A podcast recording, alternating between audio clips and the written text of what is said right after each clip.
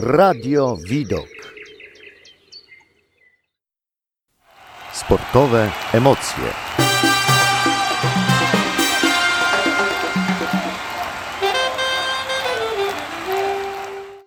To był naprawdę niedobry chłopak. Śpiewał o nim zespół The Analogs. No właśnie, czy taki niedobry? E, historia sportowca, którą dziś Wam opowiem, jest tak ciekawa, bo jest doskonale niejednoznaczna.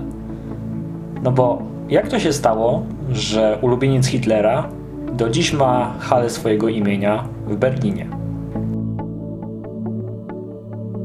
Maksymilian Adolf Otto Siegfried Schmeling przyszedł na świat 28 września 1905 roku w niewielkiej miejscowości Kleinlukow, znajdującej się no, w zasadzie na granicy dwóch niemieckich landów Brandenburgii i Mecklenburgii Pomorza Przedniego. Jego rodzina wkrótce przeniosła się do większego, znacznie większego Hamburga, gdzie ojciec Maxa parał się byciem marynarzem. I tam też Max się wychowywał. Jako nastolatek interesował się no, głównie piłką nożną, potem nieco zapasami, aż w końcu zainteresował się boksem i czuł się na tyle dobrze w tej dyscyplinie, że w 1924 roku, krótko przed swoimi 19 urodzinami, przeszedł na zawodostwo i pokonał pięściarza z Düsseldorfu Hansa Czapa. Inspiracją dla wczesnych lat jego kariery stał się film z waki Jacka Dempseya, wielkiego mistrza wagi ciężkiej, z Georgesem Carpentierem. Kariera Schmelinga rozwijała się błyskawicznie i niebawem został mistrzem Niemiec w wadze półciężkiej, potem mistrzem Europy w tej samej kategorii, aż w końcu został też czempionem wagi ciężkiej, co miało miejsce dokładnie w 1928 roku. Niemcy i Europa były dla niego no już zdecydowanie za małe i czarny łan z nadrenu, bo tak właśnie mówiono o Schmelingu, musiał wybrać się w miejsce, gdzie pięściarza mogła czekać jeszcze większa kariera. Ruszył więc za ocean na podbój Ameryki.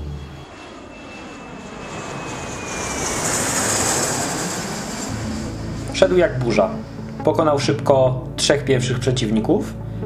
Potem wyeliminował przez techniczny knockout urodzonego w Austrii Johnego Risco i zwyciężył na punkty Hiszpana Paulino Uscuduna. To oznaczało, że kolejnym pojedynkiem będzie walka o pas mistrza świata wagi ciężkiej. Starcie było naprawdę niezwykłe. Po pierwsze, po zakończeniu kariery przez poprzedniego mistrza, tytuł objęty był wakatem. Po drugie, Schmeling zdobył go z dużą dozą szczęścia. Walczył z Jackiem Sharkeyem i to właśnie jego oponent zdobywał przewagę w pierwszych trzech rundach. W czwartej odsłonie pięściarskiego pojedynku wprowadził jednak zbyt niski cios, trafiając Schmelinga poniżej pasa. Ten zgiął się w pół i walka została przerwana, a chwilę później sędzia zadecydował o dyskwalifikacji Sharkeya. Max Schmeling chciał nawet e, oddać pas e, tuż po wejściu do szatni, ale został przekonany, że no, w zasadzie zdobył go zgodnie z zasadami, choć w kontrowersyjnych okolicznościach. Pozycję mistrza wagi ciężkiej obronił nieco ponad rok później, walcząc z Youngiem Striblingiem, ale to był już schyłek jego przygody z USA.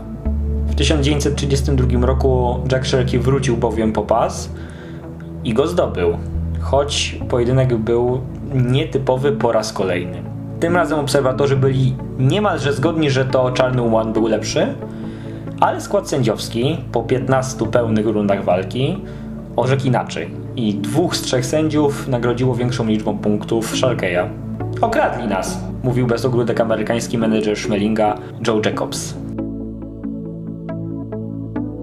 Max Schmeling odbył w USA jeszcze trzy walki, lecz dwie z nich przegrał. Postanowił więc wrócić do Europy już ze swoją świeżo upieczoną żoną, zresztą urodzoną w Tarnowie, czeską aktorką Annie Ondrą. Na starym kontynencie czekał go najpierw rewanż z Uskudunem w Hiszpanii, który zakończył się perfekcyjnym podziałem punktów i remisem. Potem zaczął znów boksować w ojczyźnie. I tu trzeba powiedzieć o najbardziej kontrowersyjnej kwestii w historii Schmelinga. Choć trzeba się zastanowić, czy była ona kontrowersyjna z jego winy. W styczniu 1933 roku do władzy w Niemczech doszli naziści na czele z Adolfem Hitlerem, który został oczywiście kanclerzem.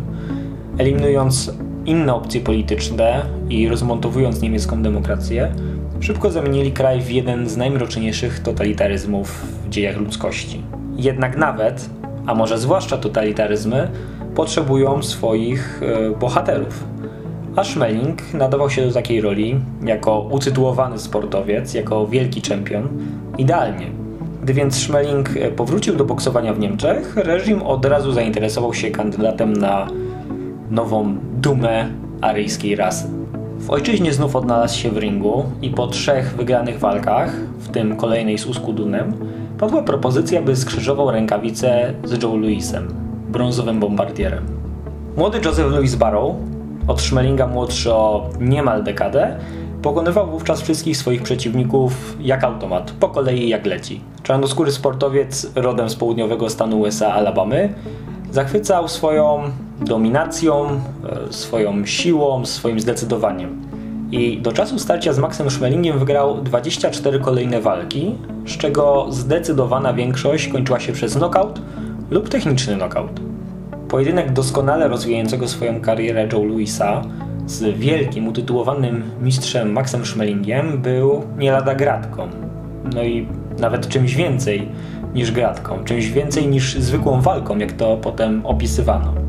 I z jednej strony nazistowskie władze Niemiec e, obawiały się o wynik e, bokserskiego meczu, ponieważ ewentualny knockout ze strony Bombardiera byłby ciosem w ich retorykę o wyższości rasy aryjskiej. Z drugiej strony propaganda III Rzeszy grzała temat do oporu, e, przedstawiając walkę Louis Schmeling jako wielką bitwę ras.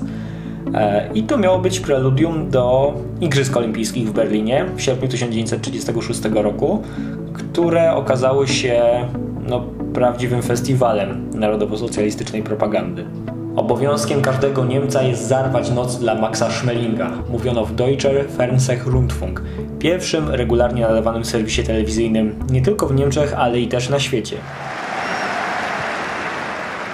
Walka odbyła się 19 czerwca 1936 roku na Yankee Stadium w nowojorskiej dzielnicy Bronx.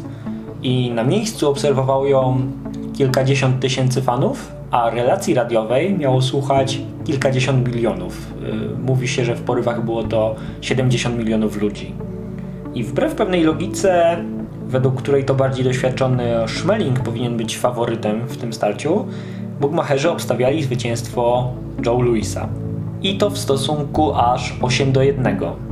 A sam Louis chyba także zbytnio uwierzył w swoje możliwości. Na deski padł po raz pierwszy w czwartej rundzie, po tym jak zdradził go ruch jego nóg, tak ważny przecież w boksie. Z kolei Max Schmeling e, boksował wówczas zupełnie niepodobnie do stylu swojego e, idola Dempseya. Był cierpliwy, zachowywał zimną krew, robił swoje i wykorzystał słabe punkty przeciwnika. Zauważyłem, że po wyprowadzeniu ciosu opuszcza lewą rękę i odsłania lewą część ciała powiedział kiedyś Schmeling, który no, moglibyśmy dziś powiedzieć, że zrobił y, bardzo dobry research. I w końcu w 12 rundzie ten research y, okazał się na tyle wyśmienity, że po kolejnym ciosie brązowy bombardier został pokonany przez knockout własną bronią. Schmeling triumfował. Do Niemiec wracał jako bohater na pokładzie sterowca Hindenburg, słynnego sterowca, Przywitała go żona, Eniondra, która wcześniej słuchała relacji z walki w towarzystwie nikogo innego, jak Józefa Goebbelsa oraz jego żony Magdy Goebbels. Na specjalne zaproszenie zresztą. Schmeling zjadł uroczystą kolację z samym Führerem, wodzem Adolfem Hitlerem, co zresztą mu później wypominano. Ale on odpowiadał. Wcześniej odmawiałem mu cztery razy, a jakąś jakiemu nie można odmówić po raz piąty. Nie czyni mnie to nazistą, tak jak kolacja z Rooseveltem nie uczyniła ze mnie demokraty. Ze strony nazistów nie spotykały go zresztą same miłe gesty, bo choć jak wspomniałem, Eniondra dostała zaproszenie od Józefa Goebbelsa do wspólnego odsłuchu relacji z walki, to wcześniej ten sam Goebbels naciskał mocno na Schmelinga, by rozwiódł się z żoną. No bo Eniondra tak naprawdę nazywała się Anna Ondrakowa, była Czeszką, była Słowianką, czyli kimś e, gorszym dla nazistów. Joe Jacobs, e, wspominany już przeze mnie menedżer i wieloletni współpracownik Schmelinga, był z kolei oczywiście obywatelem amerykańskim, ale z pochodzenia węgierskim Żydem i to też e, było niemile widziane w III Rzeszy. W świecie boksu nie ma podziału na protestantów, katolików, Żydów, czarnoskórych itp. Nas interesowały tylko pojedynki na pięści i nic poza tym, powiedział czarny Ułan, który nie miał zamiaru rozstawać się z bliskimi osobami. Moment, w którym nazistowska elita polityczna spojrzała na Schmelinga już mniej przychylnie, żeby nie powiedzieć źle, nastąpił dwa lata później. Joe Louis bowiem nie chciał się pogodzić z porażką, e, czuł się sportowcem niespełnionym, mając z tyłu głowy, że Schmeling e, przerwał jego zwycięską pasę i chciał rewanżu i ten rewanż w końcu dostał. 22 czerwca 1938 roku w tym samym miejscu, czyli na Yankee Stadium, Louis i Schmeling znowu stanęli oko w oko i pięść w pięść. Tym razem Amerykanin był bardziej pokorny, mm, bardziej skoncentrowany może, a Schmeling był no po prostu już starszy i wolniejszy. Kibice z wypiekami na twarzy zasiedli do oglądania walki i słuchania relacji, po czym szybko musieli się rozejść do, do własnych spraw, bo po 124 sekundach Luis zrobił to, co robił dotychczas najlepiej. Znokautował czarnego łana z nadrenu i zdobył mistrzowski pas wagi ciężkiej. To był koniec wielkiej nazistowskiej legendy Maxa Schmelinga, z czego sam Max ponoć się bardzo cieszył. Ale to był też początek jego wielkich problemów, ponieważ po wybuchu II wojny światowej, jako jeden z nielicznych niemieckich sportowców e, tego kalibru, być może jedyny tak znany sportowiec, został wcielony do wojska niemieckiego i wziął udział w operacjach niemieckich w Grecji, w operacji powietrzno-desantowej Merkury, czyli lądowaniu Niemców na Krecie. I jedne źródła twierdzą, że został wówczas ranny podczas e, tego desantu. Inne z kolei mówią o tym, że sam Schmeling temu zaprzeczał i twierdził, że dostał po prostu potwornych problemów żołądkowych, które wykluczyły go z dalszej walki, a rany wymyśliła znowu Goebbelsowska propaganda. Tak czy inaczej, jego dalsza walka nie była możliwa przez pewien czas. Po wojnie wrócił do boksowania ze zmiennym szczęściem i odwiesił rękawice na kołek w roku 1948. Ponieważ odłożył trochę pieniędzy, to potem zajął się biznesem i co ciekawe otworzył w Hamburgu oddział Coca-Cola Company. Po wojnie też dalej y, utrzymywał kontakt z y, Joe Louisem, który popadł w kłopoty finansowe, a potrzebował pieniędzy y, na leki, ponieważ miał również kłopoty ze zdrowiem. I Schmeling przesyłał mu bardzo po cichu, dyskretnie pewne kwoty pieniężne, wspierając go w ten sposób. Co więcej, kiedy w 1981 roku Louis zmarł, Schmeling e, postanowił przekazać e, też pieniądze na organizację jego pogrzebu. Sam Max Schmeling zmarł 2 lutego 2005 roku w wieku 99 lat. Jeden z największych światowych bokserskich czempionów, jedna z najbardziej uwielbianych niemieckich legend sportowych. Maxa Schmelinga oskarża się często o konformizm, o uległość względem reżimu nazistowskiego.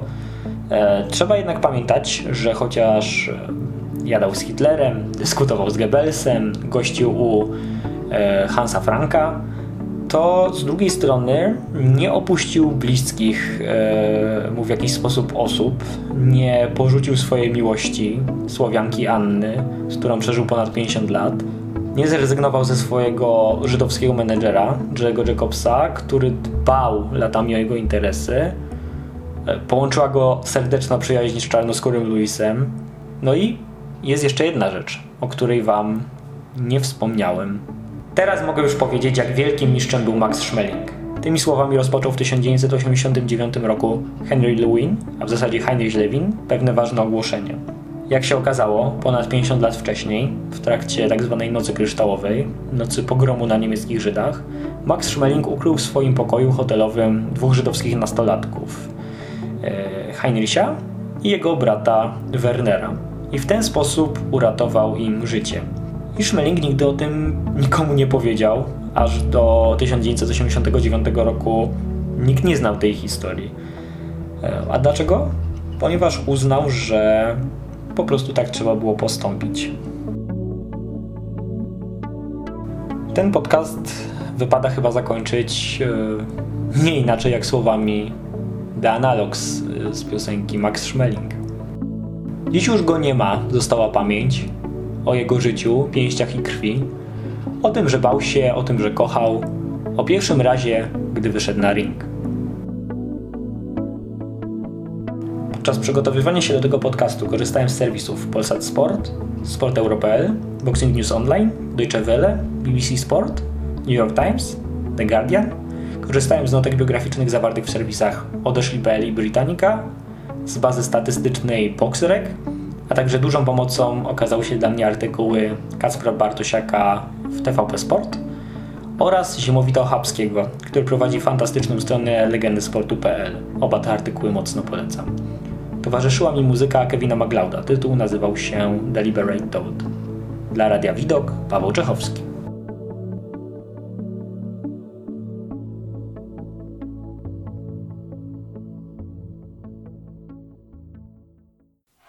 Sportowe emocje.